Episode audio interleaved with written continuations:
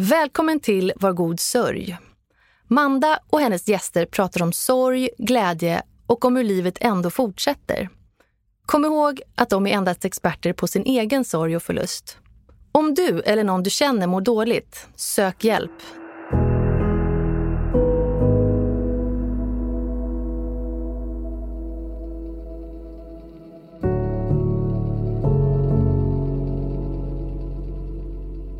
När Lolo var 38 år tog hennes pappa sitt liv efter att ha fått en cancerdiagnos. Och tio år senare händer det igen. Lolo var nyskild med två tonårspojkar. Barnens pappa hade mått psykiskt dåligt till och från. Men ingen visste riktigt hur dåligt han egentligen mådde. Och så den 13 februari 2005, bara någon vecka före äldsta sonens 15-årsdag, ringde polisen på dörren och Lolo fick än en gång ta emot ett fruktansvärt besked. Barnens pappa hade hittats död.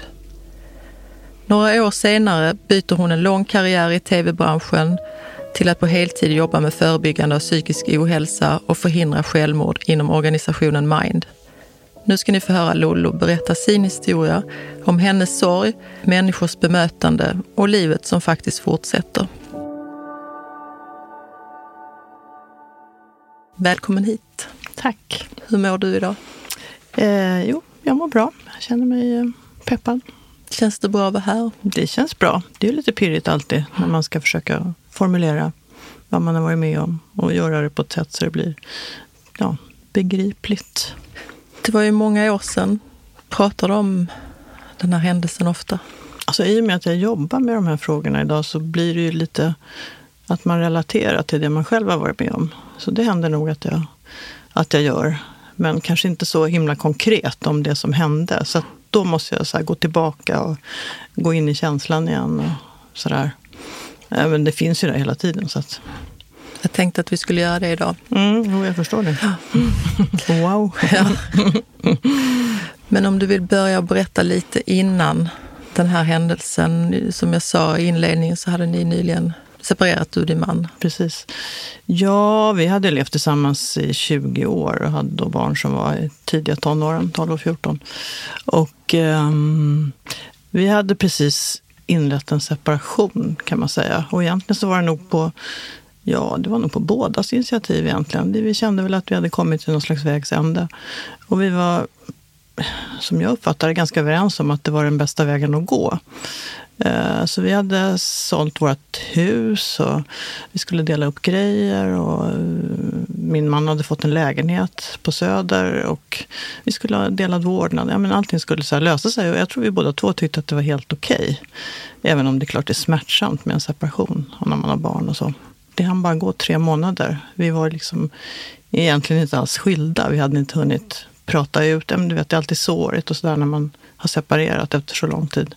Så att eh, vi hade liksom inte hunnit göra något avslut. Utan vi hade bara flyttat isär och försökt få lite ordning på det här med barnveckor och så. Men, men sen bara plötsligt så tog det stopp.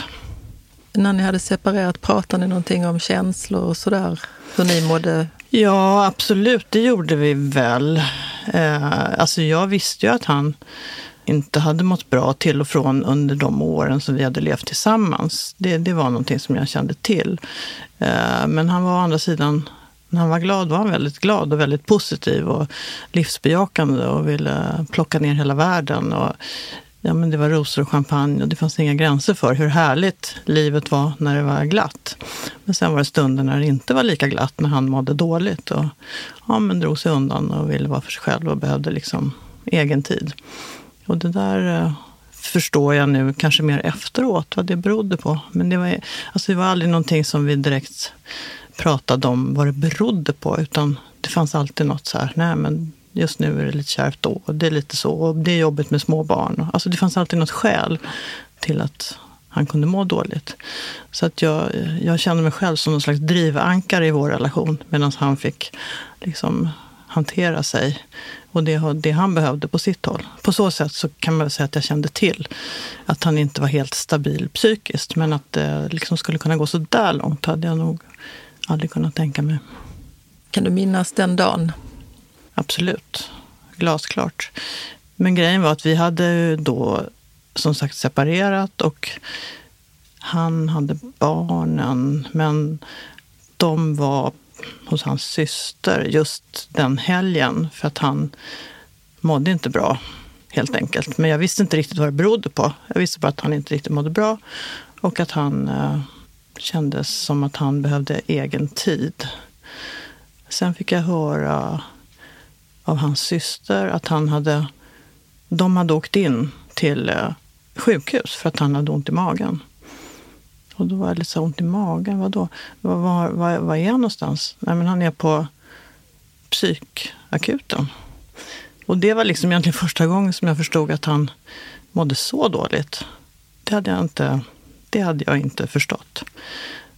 Och då blev det ju väldigt så tydligt för mig och en väldig oro. Att psykakuten. Och det kändes också som det var så lite förenat med honom som person. Att vara en som behövde söka hjälp på psykakuten. Så att det var på något sätt, ja det var lite chockartat. Då hämtade jag ju barnen och så var vi hos eh, några kompisar. Och då ringde de från sjukhuset. Nej, inte, inte de, men hans syster ringde och sa att han undrade om han var hos oss. Så nej, men han är ju på sjukhuset. Nej, han har gått därifrån. Han har fått permission.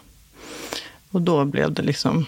Då, då var det på något vis som att mina varningsklockor bara slog till. Då kände jag att nej men, det här stämmer inte. Om han fick permission därifrån i förmiddags och nu är det eftermiddag och han har inte hörts av och ingen vet var han är. Alltså det, det är någonting som är riktigt fel. Alltså, då visste jag på något sätt, även om jag inte visste, så kände jag bara att nej men han har gjort något eftersom jag varit med om det en gång förut, jag gissar att vi kommer till det sen, så fick jag lite den känslan igen. Alltså, jag vet att det är någonting som är riktigt fel nu. Ja, och så ringde jag en kompis då som var polis och sa att jag vet inte vad, vad jag ska göra och jag... kan du hjälpa mig? Och hon, ja, men jag, jag tar hand om det här, så jag tar hand, du behöver inte göra någonting. Så vi bara väntade. Och så gick det några timmar och sen så kom hon och sa att vi har hittat honom. Kommer du ihåg vad du tänkte då? I den situationen? Precis. Nej, men jag blev bara som... Jag bara, jag bara sjönk ihop liksom och bara så här... Nej, det är inte sant. Det är inte sant. Hur, hur kunde jag göra det här? Det är inte sant. Alltså, jag bara... Nej, men marken bara försvann ju. Och barnen och det var lite andra familjemedlemmar där och alla var ju bara helt... Ja, men det är som att mattan rycks undan. Var barnen i samma rum när, ni fick, när du fick veta? Ja. Och alla, alla blev ju bara helt chockade.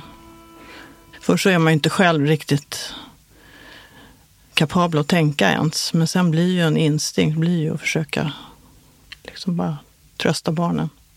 Alltså även om det inte finns någon tröst att ge så blir ju en instinkt att försöka värna om dem. Men vi var ju alla så enormt chockade och bara... Ja, det var gastkramande. Fick du någonsin någon förklaring till varför? Alltså något, du vet inte varför? Nej, alltså egentligen så vet jag inte varför. Så här efteråt kan man ju liksom förstå, nu när jag vet mer om hur det fungerar med framförallt män som kanske inte heller ventilerar sitt mående så mycket. Han hade ju alltid en en ära av att livet var härligt. Han ville liksom inte prata om att det var, fanns problem. Och särskilt inte att han hade det jobbigt mellan varven. Det fanns liksom inte. Och när man inte pratar om det och sen är med om sådana här saker som vi ändå hade varit igenom. Att vi hade separerat. Eh, vi hade sålt vårt fina hus. Vi var tvungna kanske att göra någonting med landet. Alltså, det blir ju väldigt mycket statusförluster om man kan säga det så. Och din pappa hade, det var ju tio år tidigare mm, som han hade mm, mm tagit sitt mm. liv. Så att jag tror att det, ligger, det finns någonting i det som är någon slags förklaring kanske. En delförklaring i alla fall till att det blev som det blev. Och sen kanske att han hade någon form av ja, men instabilitet i botten som aldrig riktigt togs om hand. Jag tycker man hör ofta att män i den åldern och kanske lite längre tillbaka, att fruarna då, till nu pratar jag med kvinnor, men eh, att det finns säkert någon diagnos. Så brukar jag resonera att någonting Mm. är det ju, tyckte jag och min man. Någonting var det ju, något annat. Mm. Kanske för att man vill hitta någonting. Varför? Ja, det är inte alltid det finns ett varför. Nej. Säkert heller. Men, men det kan väl finnas olika delförklaringar som gör att det ändå blir lite mer, om inte begripligt så kanske förklarligt i alla fall.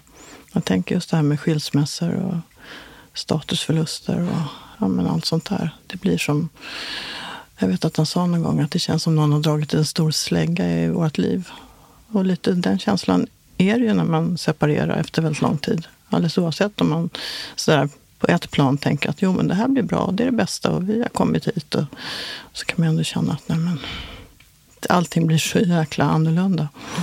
Och det blir ju det blir ju att man får vänja sig vid en annan typ av liv. Och nu fick ni ytterligare vänja er vid ett Verkligen. nytt liv. Vad hände här efter? Ja, Hade ni här efter? vänner runt er? Absolut, jag hade jättemycket vänner och det var väldigt skönt. För att alla kom ju...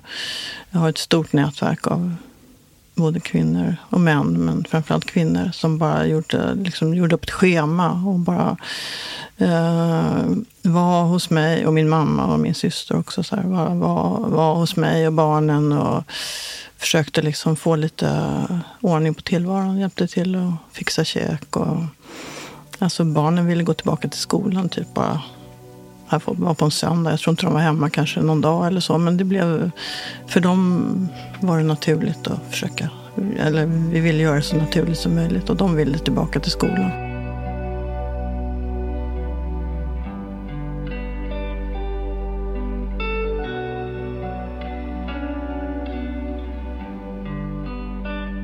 Nej, men jag kände att första veckorna var det ju mest ett kaos. Eller första månaden, kanske fram till begravningen, var det ju mest ett kaos. Som jag minns det. Och väldigt mycket sådär vänner och blommor och turräkning, alltså bouppteckning, allt sånt där. Det gör man inte första veckan, men det kommer ju ganska snabbt på att man måste hantera allting som blir också efteråt som man inte har riktigt koll på. Mycket sånt. Ja, och så försäkringskassa och... Ja. Hur tycker du då? Hur blev du bemött från vård och fick du hjälp eller ringde de och Tjata? Nej, jag gick väl själv till någon läkare, tror jag, blev sjukskriven någon vecka bara, tror jag. Och sen så, ja, så fick jag väl hjälp av eh, vänner till honom och, och reda ut i hans affärer. För han hade ju också företag och grejer och allt sånt där som behövde hanteras. Och lägenhetskontrakt, ja, men allt sånt där. Det är så jäkla mycket praktiskt också som man inte riktigt eh, tänker på innan. Vad, det, vad som lämnar vad en, vad en människa lämnar efter sig. Inte bara tomrummet rent liksom psykiskt, men, men även fysiskt. Så är det så otroligt mycket praktiskt som måste hanteras. Som man inte riktigt är beredd på. Det kommer väl du också ihåg? Mm. Mer än vad man eh, nu när jag minns tillbaka. Jag får nästan prata om det för att komma ihåg att det var Mm. sjukt mycket. Och nu när du sa att bouppteckningen gjordes inte direkt. Det kändes som att jag gjorde den dagen efter, men det gjorde jag inte. Men det var så mycket overkliga saker. Ja, så mycket som man måste sätta sig in i. Just det här, som man inte heller... Men man har inte riktigt kraft för det. I det läget så vill man ju bara fokusera på att överleva. Tycker du att du och din mamma kunde prata om det? Hon hade ju varit med om samma sak. Ja, de separerade, mina föräldrar, när, när jag var i 20-årsåldern. Och då gjorde min pappa sitt första självmordsförsök. Och eh, sen så gick det ju faktiskt... Sen så träffade han en ny kvinna och var förlovad. Och, alltså han levde i en ny relation. Så att hon var ju liksom ganska bortkopplad från honom då. För de hade gått isär långt tidigare. Men det fanns ju väldigt mycket det fanns ju väldigt mycket igenkänning på något sätt. Va? De hade precis separerat när han gjorde sitt första självmordsförsök. Och jag översatte ju det direkt. Så när jag fick det här beskedet att han var borta från sin permission så kände jag ju bara att eh, nej men det här, det här, jag känner igen det här. Nyseparerad, inte stabil psykiskt. Alltså, ja, nu är vi här igen. Alltså, det var verkligen så för mig. Det var som att allting spelades upp en gång till. Så att därför så var jag kanske också på ett sätt förberedd, på ett sätt inte. Men jag hade varit med om det. Så att jag kände igen liksom scenariot. Och, när man, jag har ju inte någon aning om vad som försiggick i hans huvud, men man tänker så att han borde tänkt att det här har Lolle varit med mm. om. Det här ska hon inte få vara med om en mm. gång till. Nej, men det där är ju så märkligt. Och jag vet att då när min pappa väl gjorde, tog sitt liv 20 år senare, eller vad det var, så var han ju... Eh, alltså, då pratade vi verkligen i termerna om att Gud, hur kunde han? Och hur är det möjligt att man kan lämna? Och barnen, och jag menar, nu är vi vuxna, vi barn, men, men ändå att man kan göra så mot sin familj. Och tyckte att det var fruktansvärt. Men jag tänker att det säger också någonting om hur borta man är själv i huvudet när man gör en sån här sak. Alltså man tänker, det enda man tänker är att det blir bättre för alla andra. Jag tror verkligen det. Det blir bättre för alla om jag försvinner. För att uh, jag är bara till belastning. Jag tror att det är det man måste liksom komma ihåg. Att man är inte här och nu i sina tankar så hade han aldrig kunnat göra en sån här sak. Man är liksom som borta. Alltså hans barn var hans eh, allt. Han värnade om de här barnen som det fanns inget ont som skulle få hända dem. Hade han liksom förstått med sitt medvetna jag vad det skulle innebära för dem att bli av med honom. Ja, men det hade inte varit möjligt att det hade ens gått. Och du berättade för mig också att eh, den äldsta sonen fyllde 15 mm. precis efter ni hade mm. kommit överens om vad han skulle få. Och... Mm. Han skulle få en moped. Vi köpte en moped åt honom, men det var ju så jäkla... Ja, det var sorgligt. Det var en sorgens födelsedag. Och det är det där med barnen, alltså, det är en smärtpunkt. Man kan inte värja sig för det. Pratade ni, du och barnen, mycket om det? Ja, vi pratade nog ganska mycket om det. Men det var också så, tycker jag, de första kanske året eller så här, att det var också så sårigt. Det gjorde så ont. De ville inte... Jag tror att de ville skydda mig. Och jag ville skydda dem, så att vi gick runt i någon slags skydda varandra-mod. Och då tog liksom inte riktigt... Nej, jag, jag, vi pratade om det, men det blev alltid ganska... Eh, alltså, så det blev svårt, det blev sorgligt prata om det. Men jag vet att de har pratat mycket med kompisar, de har pratat med vänners vänner och vänners föräldrar. Och de hade bra lärare i skolan. Och, så de har haft bra nätverk också. Men första året i alla fall tror jag vi hade svårt för att vi ville inte göra varandra ledsna. Vi orkade liksom inte gå in där. Det inte du gjorde. Pratade ni mycket? Men jag tror att jag försökte, men som du säger så det, på något sätt är det svårt när det är så nära man mm. tror. Det är ju lätt för andra att säga utifrån att prata mm. nu mycket om, om pappa och det är svårt. Mm. Det är svårt de fick ju gå till psykologer som inte de ville gå till. Och så. Ja. Man, man drar i alla mm. och ringer konstiga grupper som någon anordnar och så vill de inte gå dit heller. Mm. Ja, eller konstiga grupper, men grupper som, jag, som jag hade hört. Det här kan nog vara något, då får de prata av sig. Mm. Ja. Nej, men jag försöker göra det nu i alla fall. Mm. Men dina vänner, pratade de med barnen?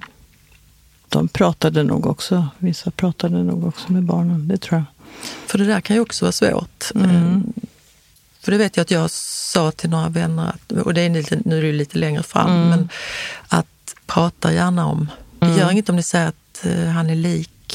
Uh, nej, nej, gud, För det nej. blir de ju glada, det blir de glada ja. av. Absolut, den erfarenheten jag också. Mm. Alltså, det är bara positivt. Och på senare år så har ju killarna sökt upp, eh, och det gjorde de inte allt för långt efter heller sökt upp vänner till honom och, för att prata om honom och prata om hur han var och vem han var. Och, alltså i sitt kompisgäng och sådär. Så att de har verkligen pratat mycket om honom. Och eh, vi hade ju kvar hans grejer, hans kläder och hans prylar alltså, som de använde i den mån de kunde göra det. Alltså väldigt mycket så. Det var ju två killar liksom. Och det var ju samma de hade ju lite samma storlekar och så. så att... ja, samma här. Kartongerna ja. kommer upp med finskor ja. och så här. Ja, och jag tycker det är ju det är fint. Alltså jag tyckte om det. Och det tror jag de gjorde också. Det här var pappas del. Och då blev det så småningom lite mer också av dramatiserat det här att det här är pappas grejer och det här var pappas portfölj och vi använder den. Du kan jag ta pappas jacka? Alltså så. Mm. Ja, men det tycker jag är rätt skönt att det var så. För det kändes lite så här, ja men han är med. Men det tror jag inte att man tror, om inte man själv kanske har varit med om något sånt här. För då Nej. tror man kanske, oj, eh, vad säger de nu om de får mm. se? Nej, det upplever samma sak.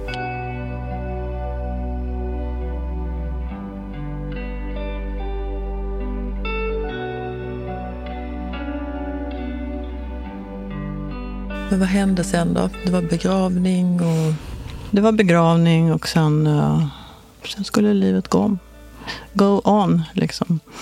Och um, men jag måste säga att vi hade under hela deras tonårstid väldigt, en väldigt fin eh, tid tillsammans.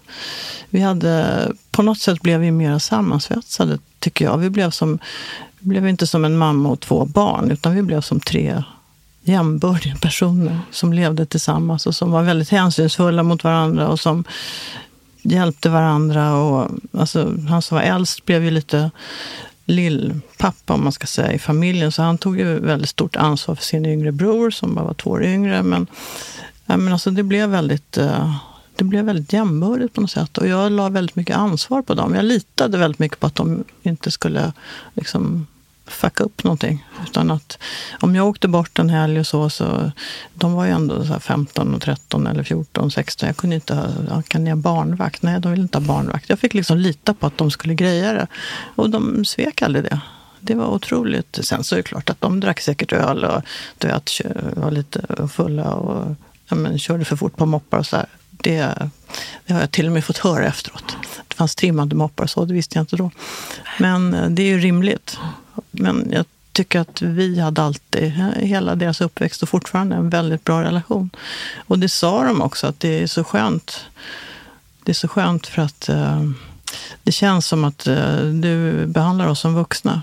Det kanske är på gott och ont i och för sig, men de jämför med sina kompisar som hade mycket mer regler och strängare föräldrar och föräldrar som ja, men mer så här satte gränser på något sätt som ja, verkligen skulle markera. Det behövde inte jag göra. Utan jag kände alltid att vi var på samma lag. Det var på något vis som att de... Nej, allt det värsta hade ju hänt, så nu kunde det aldrig hända något jättetufft igen. Utan nu kunde vi bara vara snälla mot varandra. Vi skulle inte utsätta varandra för något. Du kände aldrig sådär att när den äldsta sonen tog lite pappa-roll, mm. att det blev för stor roll för honom? Ja. Jo, det kunde jag absolut känna att det kanske inte var bra för honom alla gånger att göra det. Men det var lite svårt att ändra på, för han är väldigt ansvarstagande som person. Och eh, han kanske hade behövt vara omhändertagen i sin tur. Och jag försökte väl så gott jag kunde, men, men eh, jag tror att han, han betraktade sig själv som, det har han sagt själv när vi har pratat senare, att han blev ganska stor i och med det som hände. Men också kanske det är så att du tillät dem att vara de rollerna som de mm. faktiskt... Jag kan också känna igen det där faktiskt. Ja. Helt exakt känner jag det. Nej, men det, är, alltså, det blev på något sätt så man, man får liksom lita på varandra väldigt mycket. Man måste, man måste göra det. Och kanske också det som du sa nu med trimmad moppe och lite fylla och sådär. Mm. Nu sitter inte jag här och säger att mina barn ska ut och trimma moppar och dricka. Men mm kanske att jag inte är lika... Alltså, det är inte lika stor grej. Nej. Som du säger också. Det är ju liksom, okej, okay, det är sånt kids gör. Ja. På något vis. Mm. Men eh, det var ju så också att, eh, för du har ju också en podd tillsammans mm. med din kollega, mm. och då Joakim mm. Kvist. Mm. Ja, precis. Mm. Eh, och ehm, då var det första gången jag pratade med någon när vi pratade lite innan också, med någon som hade liksom samma upplevelse. Som oh. också hade en man som det var helt, det är som att lyssna på sig själv. Mm. Det ser konstigt ut. Det är jättekonstigt för att man säger ju att man kan inte förstå, eh, när någon är i sorg så, så, kan man aldrig förstå. Nej. Man kan inte säga att jag, jag förstår, men det gör jag. Oh. Faktiskt. Ja, nej, men och det är så häftigt tycker jag. Eller häftigt, men mm. om man nu har en sån upplevelse så är det bra att man gör någonting bra av det. Jag hade ju turen då, eller man ska säga, att ha en, en väninna som jag inte var särskilt nära då, men som jag blev väldigt nära. För hon hade varit med om samma sak ett år tidigare. Och det var en vän till mina söner, eller en pappa till skolkompisar till mina söner. Och eh, hon och jag fick ju en väldigt, väldigt speciellt band i och med det. För hon blev ensam med tre barn och jag blev ensam då med två barn. Och vi hade lite samma omständigheter. Vi bodde på Lidingö och vi bodde i hus och vi var i en miljö som var ja, men ganska eh, uppstyrd och ordentlig. Och så hände en sån här sak och då känner man sig ja, men som en alien i hela världen. Man är ensam om sin upplevelse och man, man blir eh, ja, allting förändras ju ett slag. Och att då ha någon att prata med om de här sakerna med. Jaha, nu, nu har han gjort så där eller sagt det där. Och hur tror du det är? Och hur känns det för dig nu när, det, ja, men när vi ska fira student? Hur, vad tar du för hjälp då? Alltså massa sådana saker som man bara kan förstå om man har varit med om det själv. Eller förstå, men känna mm. känslan. Jag tycker inte det är svårare att vara ensam om jobbet utan att vara ensam om glädjen över alla saker som de är med om. Och som den andra missar. Som den andra missar. Mm. När man hela tiden tänker att gud vad glad du skulle ha varit om du hade sett det här. Vad stolt du hade varit om du hade sett det här. Eller, så, tänker jag ju, så tänkte jag ju nästan dagligen.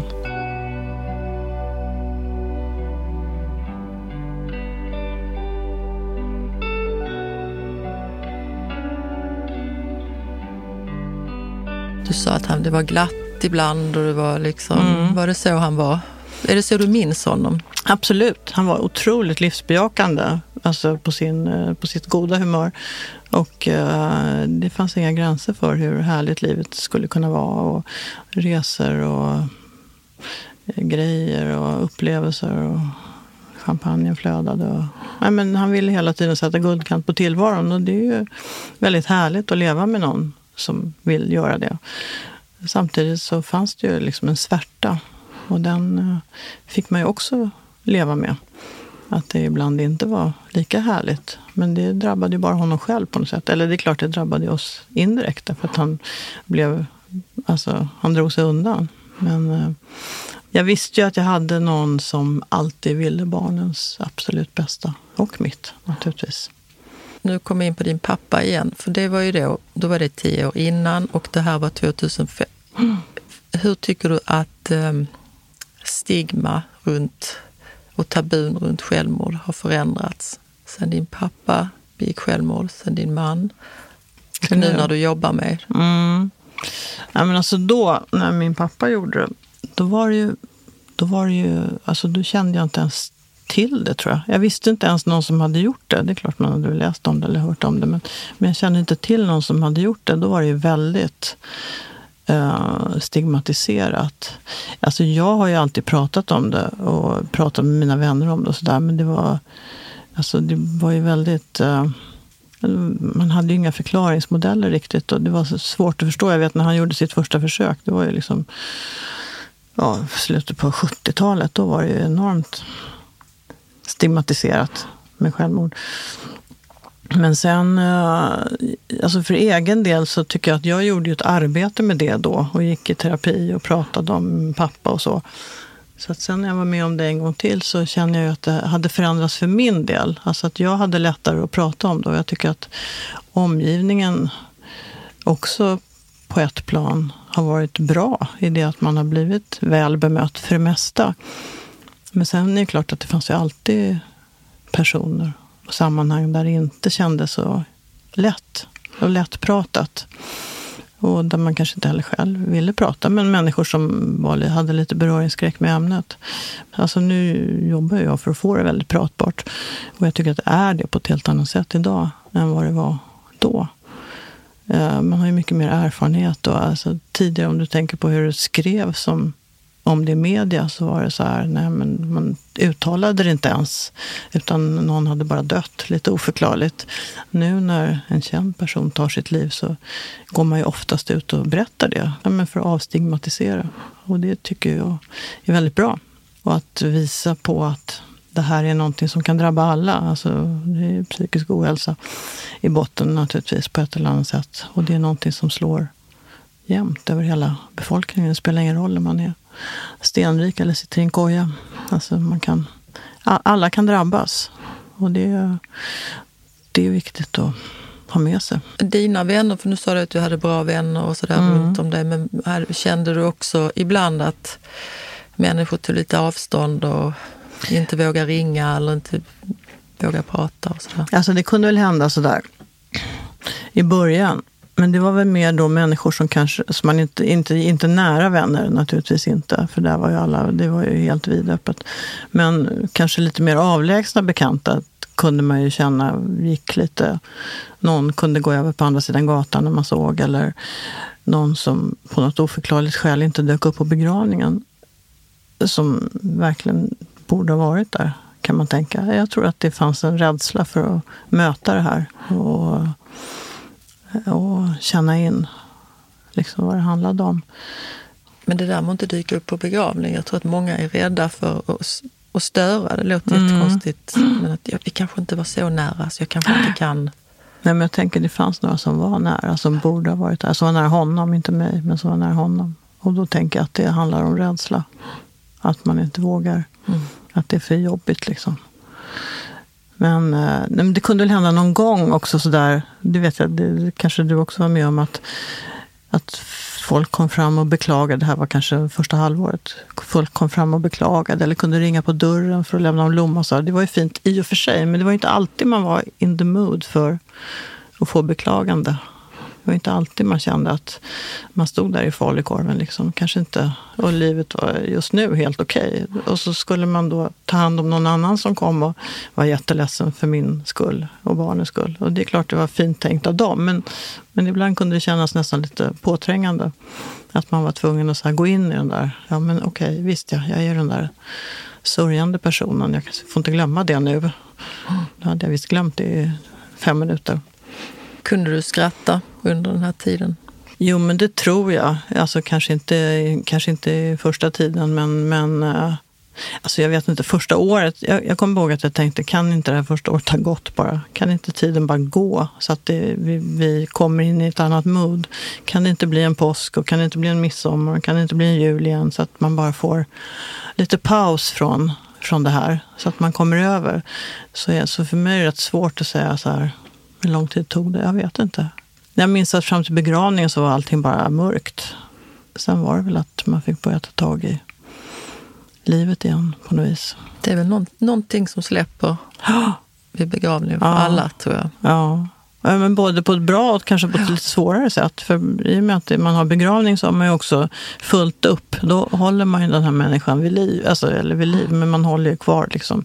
Nu ska man göra det här och det här och det ska bli så fint. Och, och sen när begravningen är över, då är det så här, okej, okay, men nu var det färdigt. Då är alla färdiga med att vara med honom. Nu ska jag ta mig vidare. Jag vet inte om du kände det. Att begravningen var både bra, det var både bra och dåligt på något sätt att det var över. Jo, det är ju både och. Sen var det den där bouppteckningen igen. Ja. Mm. Mm. Men eh, hur pratar du med barnen idag? Många år? Mm, ja, men nu är det alltså 18 år sedan. Ja, alltså hade du frågat mig för några år sedan hade jag haft blixtkoll. Men nu börjar det liksom fejda ut lite hur många år sedan det var. Men hur är sorgen nu när du tänker på honom? Alltså det är ju inte sorg på det sättet, men fortfarande så han är ju relevant hela tiden i vårt liv. Alltså när jag ser på eh, mina barn, hur de är idag, hur mycket de påminner om honom på olika sätt, vad de gör som är väldigt likt honom i sina yrken och sina fritidsintressen. Och det är som små pappor nerstigna liksom, i deras eh, gestalter det får de ju ofta höra, precis det vi pratade om, att de är lika honom. Och det blir de glada över. De tycker det är kul att höra.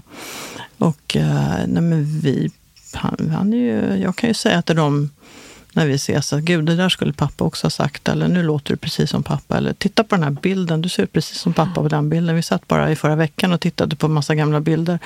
Därför att eh, de hade fått det hemma hos sin farmor och farfar som hade gått bort. Så vi satt och tittade på massa gamla barndomsbilder och sådär. Och det, ja men, nu är det helt naturligt. Och jag tror att de eh, också tycker att det är Alltså de tycker fortfarande att det är tufft och ett hål och sådär pratar om det. Men, men eh, han är en naturlig del fortfarande. Vi, vi kommer aldrig att sluta ha honom med oss, tror jag.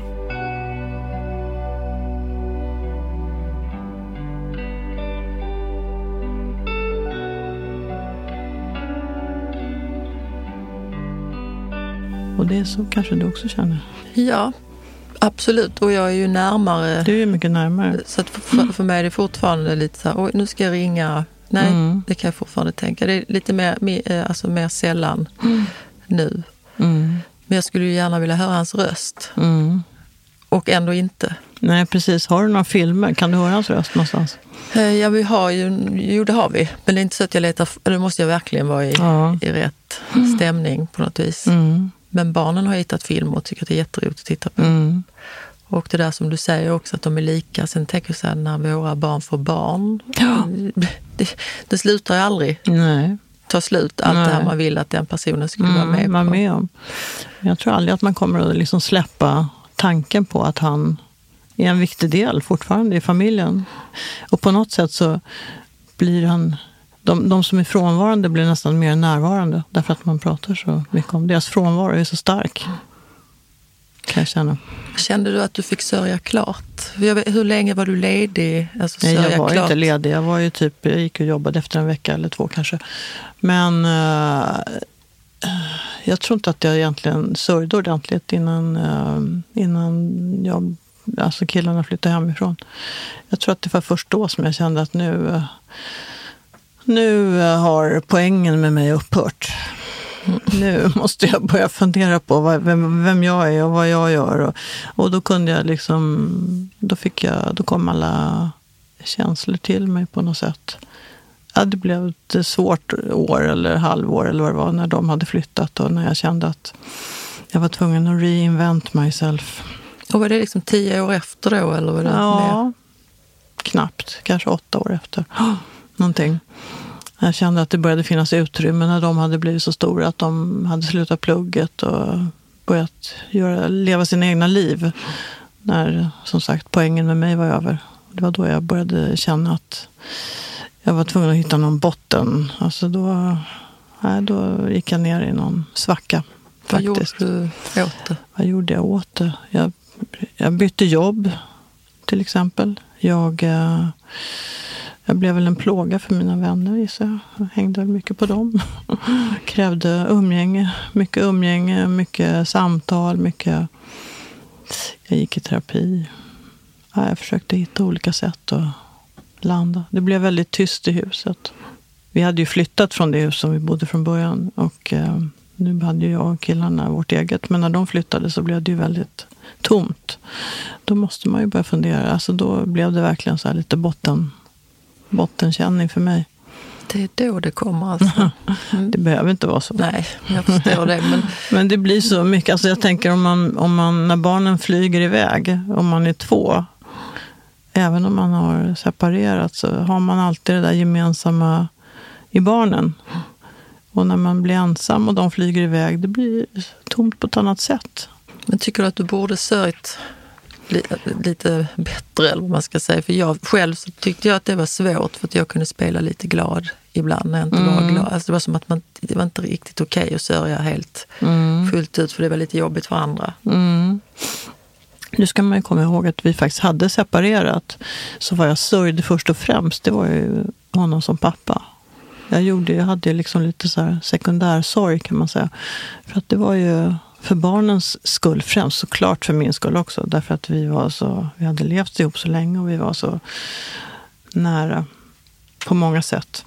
Men vi hade ju separerat också. Så att det, det fanns ju ett skäl till att vi hade gjort det. Att vi kände att vi hade att vi behövde andra saker i vårt liv. Men eh, det blev ju också nästan lite så här... På ett sätt kan man känna att man kanske blev att säga, hycklande. Men jag hade, alltså sorgen var ju, det var ju en jättestor sorg. Men det var ju också för egen del kunde jag känna så här, jaha, jag har rätt att sörja så här mycket nu då? För att vi hade ju faktiskt separerat. Så är det så att jag ska sörja jättemycket. Och vad är det jag sörjer? Alltså, det, var lite, det fanns flera dimensioner på det där som var lite svårt att hantera. Det blir också mer skuld Mm. i det. Att man tänker, eller jag tänkte att ja, mamma lämnade pappa, då försökte han ta livet av sig.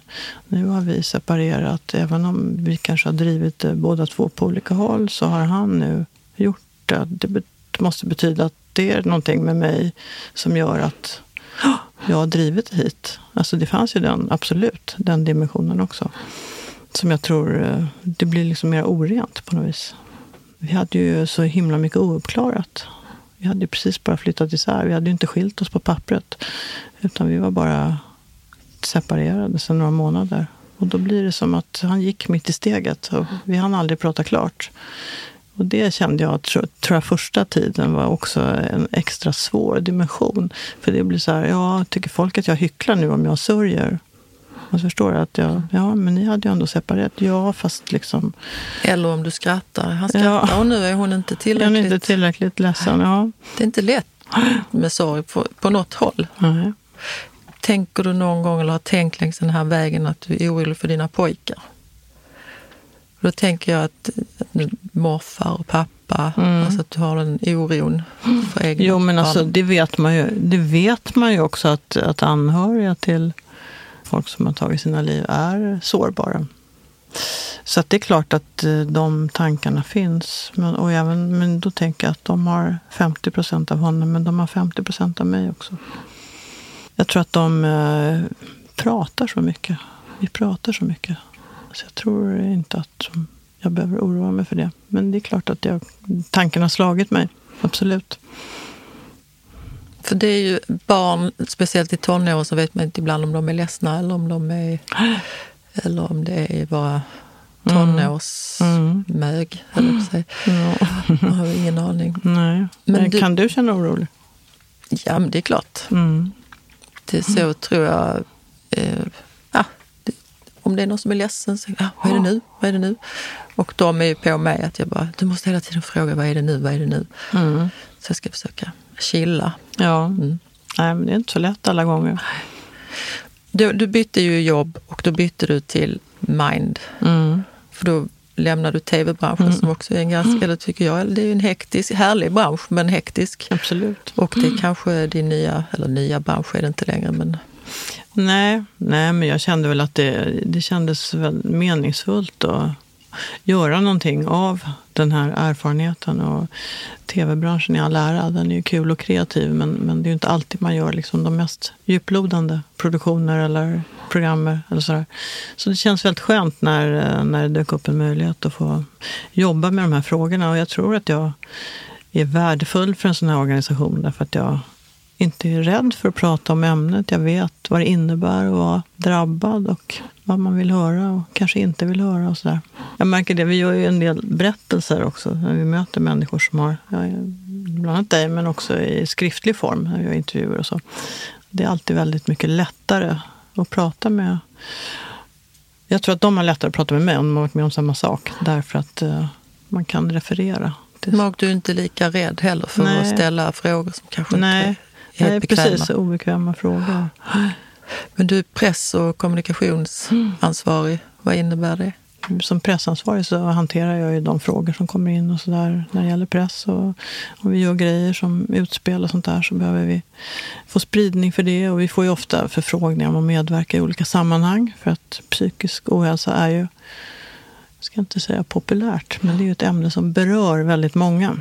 Så att det är ofta förfrågningar kring att medverka kring det. Och sen är vi ju en hel kommunikationsavdelning som gör många olika saker.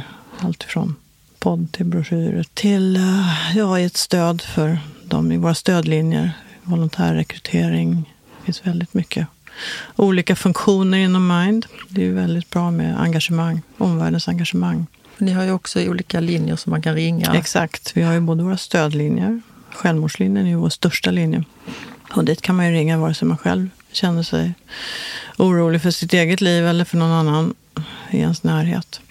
Så den är ju väldigt viktig. Sen har vi livslinjen för yngre ungdomar upp till 25. Sen har vi föräldralinjen för föräldrar som är oroliga för sina barn eller behöver dryfta något. Det gäller även större barn, man behöver inte ha småbarn. Vem svarar på när man ringer? Um, volontärer svarar. Vi har jättemånga jättefina volontärer, närmare 600 tror jag de är just nu, som är utbildade av oss i medmänskliga samtal, stödsamtal. Så det handlar ju om att lyssna och bekräfta och få prata med någon. Alltså många gånger så märker vi ju det att eh, bara att få prata av sig, bara att få nämna, sätta ord på hur man känner kan göra en stor skillnad när man mår dåligt. Och eh, det är det vi kan erbjuda. Det är ju inga, vi är ju inte liksom vård. Vi är ingen ersättning för vård, utan vi är ju ett komplement. Kan man säga att ni är lys lyssnare? Absolut. Lyssnar, bekräftar och försöker få liksom, ja, men, hjälpa personer att se lite andra perspektiv. Det är väl det. För det är ofta det man kör fast i. Och sen är ju alla anonyma och det kan ju också vara skönt om man känner att man inte vill belasta sin familj eller sina du vet, kompisar. Man kan ju bli ganska tjatig om man mår dåligt. Det kan vara skönt att prata med någon helt anonymt och bara få vräka ur sig. Så att, eh, nej men eh, jag tycker det känns jätteviktigt. Nu är ju stödlinjerna en stor del av det vi gör, men sen har vi också påverkansarbete, att vi försöker liksom få det här till en prioriterad fråga i samhället och som samhället ska satsa resurser på så för att lyfta, vilket vi tycker är viktigt. Och podden ni podden. Som heter Varje, varje samtal räknas. Varje ord räknas. ja, varje samtal räknas, som är jättebra. Varje samtal räknas, har du varit med. Mm. kan man bara gå in och googla. Eller mind.se, där hittar man all information. Vi försöker ge väldigt mycket stöd och sprida kunskap även där.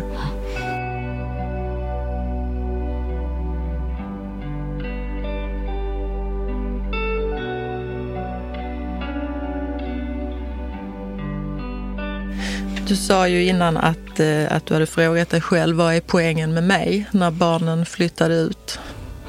Vad var poängen då? Vad? Ja, det var ju som sagt ingen riktig poäng då. Det tog ett tag att hitta den eh, faktiskt. Eh, men, eh, nej, men det är ju det där med, får man, när får man träffa någon annan? Måste man vänta till barnen har flyttat ut? Nej, jag tyckte inte det. Men jag hade väldigt svårt att, att tänka mig att flytta ihop med någon eh, så länge barnen bodde hemma. Därför att jag var absolut inte intresserad av att få så här, ja men här har ni er, er nya pappa. Alltså det kändes ju jättekonstigt och jättejobbigt. Jag tyckte det var svårt att ta hem någon ny. Alltså första åren. Du faktiskt. träffade ändå? Jag träffade Återigen, vi hade separerat. Mm. Men, nej, men jag träffade väl någon kanske något år efter. Och, eh, men det tog nog tid innan jag tog hem någon. Jag vet första gången jag tog ut någon till vårt landställe så hade jag så enormt dåligt samvete. Och eh, jag vet också att det föll inte i god jord hos mina barn. Så att jag hade en väldig respekt för det där. Jag tyckte det var skitjobbigt. Hur tänker du? Nej, men jag tänkte, var de med då på landstället också? Nej, eller fick nej, de veta nej, efter? Nej. De fick veta typ när vi var där. Det var ju också dumt. Men jag ville, så, äh, det var så här jobbigt, lite jobbig grej. Och... Men jag tror det finns liksom inget rätt och fel att säga det. Hur ska man liksom berätta det? Och eh, nej, jag vet inte heller. Jag, fatt, jag jag förstår inte det där riktigt. Och när skulle det få plats ens? Mm. Det, säger mm. Den personen, skulle, när skulle den få plats i ens mm. liv? Men det kanske kommer till en sån en dag när man känner att nu finns det plats. Som när du sa, eller då, som du beskrev när barnen flyttar, att man börjar tänka mm. annorlunda om sig själv också. Att man mm. faktiskt är men man kan, inte, kan man, kan inte vänta, man kan inte vänta åtta år. Nej. Nej, det är för lång tid. Man behöver ändå få liksom lite egen boost i form av att man är kvinna också. Okej. Jag har ju så, jag jobbat på en arbetsplats med så mycket kvinnor. Så att vi, ger, vi boostar varandra ja. åt höger och vänster. Så när man kommer hem är man som en hel oxytocin eh, mm. på moln ibland. Mm. För, mm. ja, det är komplimanger åt höger och vänster mm. och det skrattas. Alltså, ibland så tror jag att, eh, att jag eh, blir lite blind av det. Ja. Faktiskt. Det kan ju räcka långt. Det kan räcka långt mm. faktiskt. Men du har rätt i det. det kanske, alltså, någon måtta får det vara kanske på åren. Någon måtta kanske får vara. Men jag känner också det där att man, man eh, är väldigt försiktig i början. Man går lite på glas. Är det okej okay det här? Vad är okej? Okay? Vad är inte okej? Okay? Men just det där flytta ihop, det kände jag det var inte okej för mig. Det, kan, det är säkert okej för någon annan. Men... Men vad, säger, vad sa barnen då om det här med landstället? Nej, det, det blev ju jättejobbigt för landet var också väldigt sådär förknippat med honom. Det var liksom hans favoritplats. Så det blev skitjobbigt och då blev jag, jag, jag hade jättemycket ångest när vi var där och det blev helt paj allting. Så att, eh, det gjorde jag aldrig om. Men sen introducerade jag ju liksom nya partners till dem. Men, eh, och det var, det var ju okej. Men det var ingen som eh, det var ingen som jag presenterade som det här är en ny sambo. Eller här är en Nej. nya... Nej. Det hade jag aldrig gjort. Nej. Nej, men jag får, det, där, det, där får, det, får, det är en viktig fråga. För att jag tror många undrar och jag undrar också. Och Ja, och man behöver inte känna liksom skam för det. Det är ju rätt naturligt att man kanske känner att man behöver få den manliga blicken. Men sen kan man ju se på vilket sätt man behöver den. Bra, jag funderar på detta och så ringer jag dig när det... Gör det. Mm. Du ska coacha. Jag coachning behöver jag.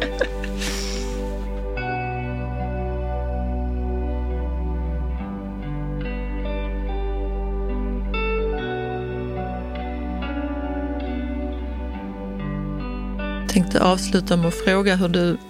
eh, Det är så svår fråga och det ser, jag ser frågan överallt. Men hur, ser, hur, hur kan man missa att någon mår så dåligt?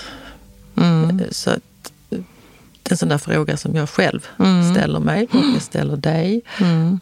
Finns det tecken? Finns det liksom, hur, kan jag, hur kan man uppmärksamma någon Mm. som mår riktigt dåligt? Alltså jag tror att det är väldigt eh, olika. Men jag tänker att eh, ett sätt kan ju vara att man märker att personen liksom börjar kanske dra sig lite undan, sluta sig, undvika vanliga sammanhang sådär. Det kan ju också vara att man är lite extra, efter att ha varit lite så, kan man också bli lite extra glad och positiv, vilket kan vara tecken på att man har bestämt sig.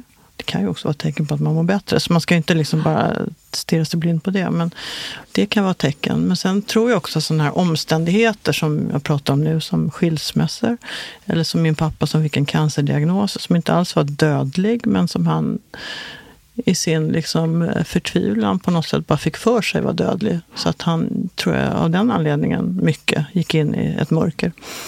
Eh, Eller så här, bli arbetslös eller vara med om ett dödsfall eller ja, men någon form av förlust, statusförlust för män tror jag är väldigt viktigt. Alltså jag tror att sådana omständigheter är sånt som man ska ha lite pejling på. Jag skulle lägga till en sak, Mm. om det är okej. Eh, Att när livet går för fort, Mm. eh, det är ju svårt att se ibland att livet går för fort, men att man kanske kan försöka fundera på att sakta ner. Mm. Mitt liv har gått väldigt fort. Alltså att allting händer eh, snabbt. Man Mm. bara tar ett steg tillbaka och tittar på varandra. Vad är det nu här som Mm. sker? Svårt, men det skulle bara... Är det någonting som du tänker Mm. var relevant? Ja, men kanske. Att ibland så, är, så bara lever man på, även om man frågar den andra personen, är allt bra? Ja, sa den. Och sen Mm. så, ja, då, För du såg inte några sådana omedelbara varningstecken? nej. Nej, men det är ju så svårt. Och jag, nu, hade ju, nu var ju inte vi exakt nära varandra, jättenära just då när det hände. Men jag tror inte att de i hans omedelbara omgivning heller hade kanske någon, men inte liksom. Mm. Så att det är ju svårt. Men med den kunskapen jag har idag så tänker jag att jag kanske hade varit mer uppmärksam. Men eh, det kan man ju sitta här och säga nu. Tror du att du hade jobbat med det du jobbar med nu? Nej, det tror jag nog inte. Det hade liksom inte kommit så här naturligt. För när jag såg annonsen för det här jobbet så var jag så här, ja men just det. Det är ju det där jag ska göra. Det känns ju som rätt grej för mig nu. Så det var ju som hand i handske. Perfekt. Tack så jättemycket för att du kom hit och eh, vilket bra jobb ni gör. Ja men tack Manda, tack. Och som sagt, är det någon som vill gå in och titta på våra, vad vi gör så finns vi på mind.se.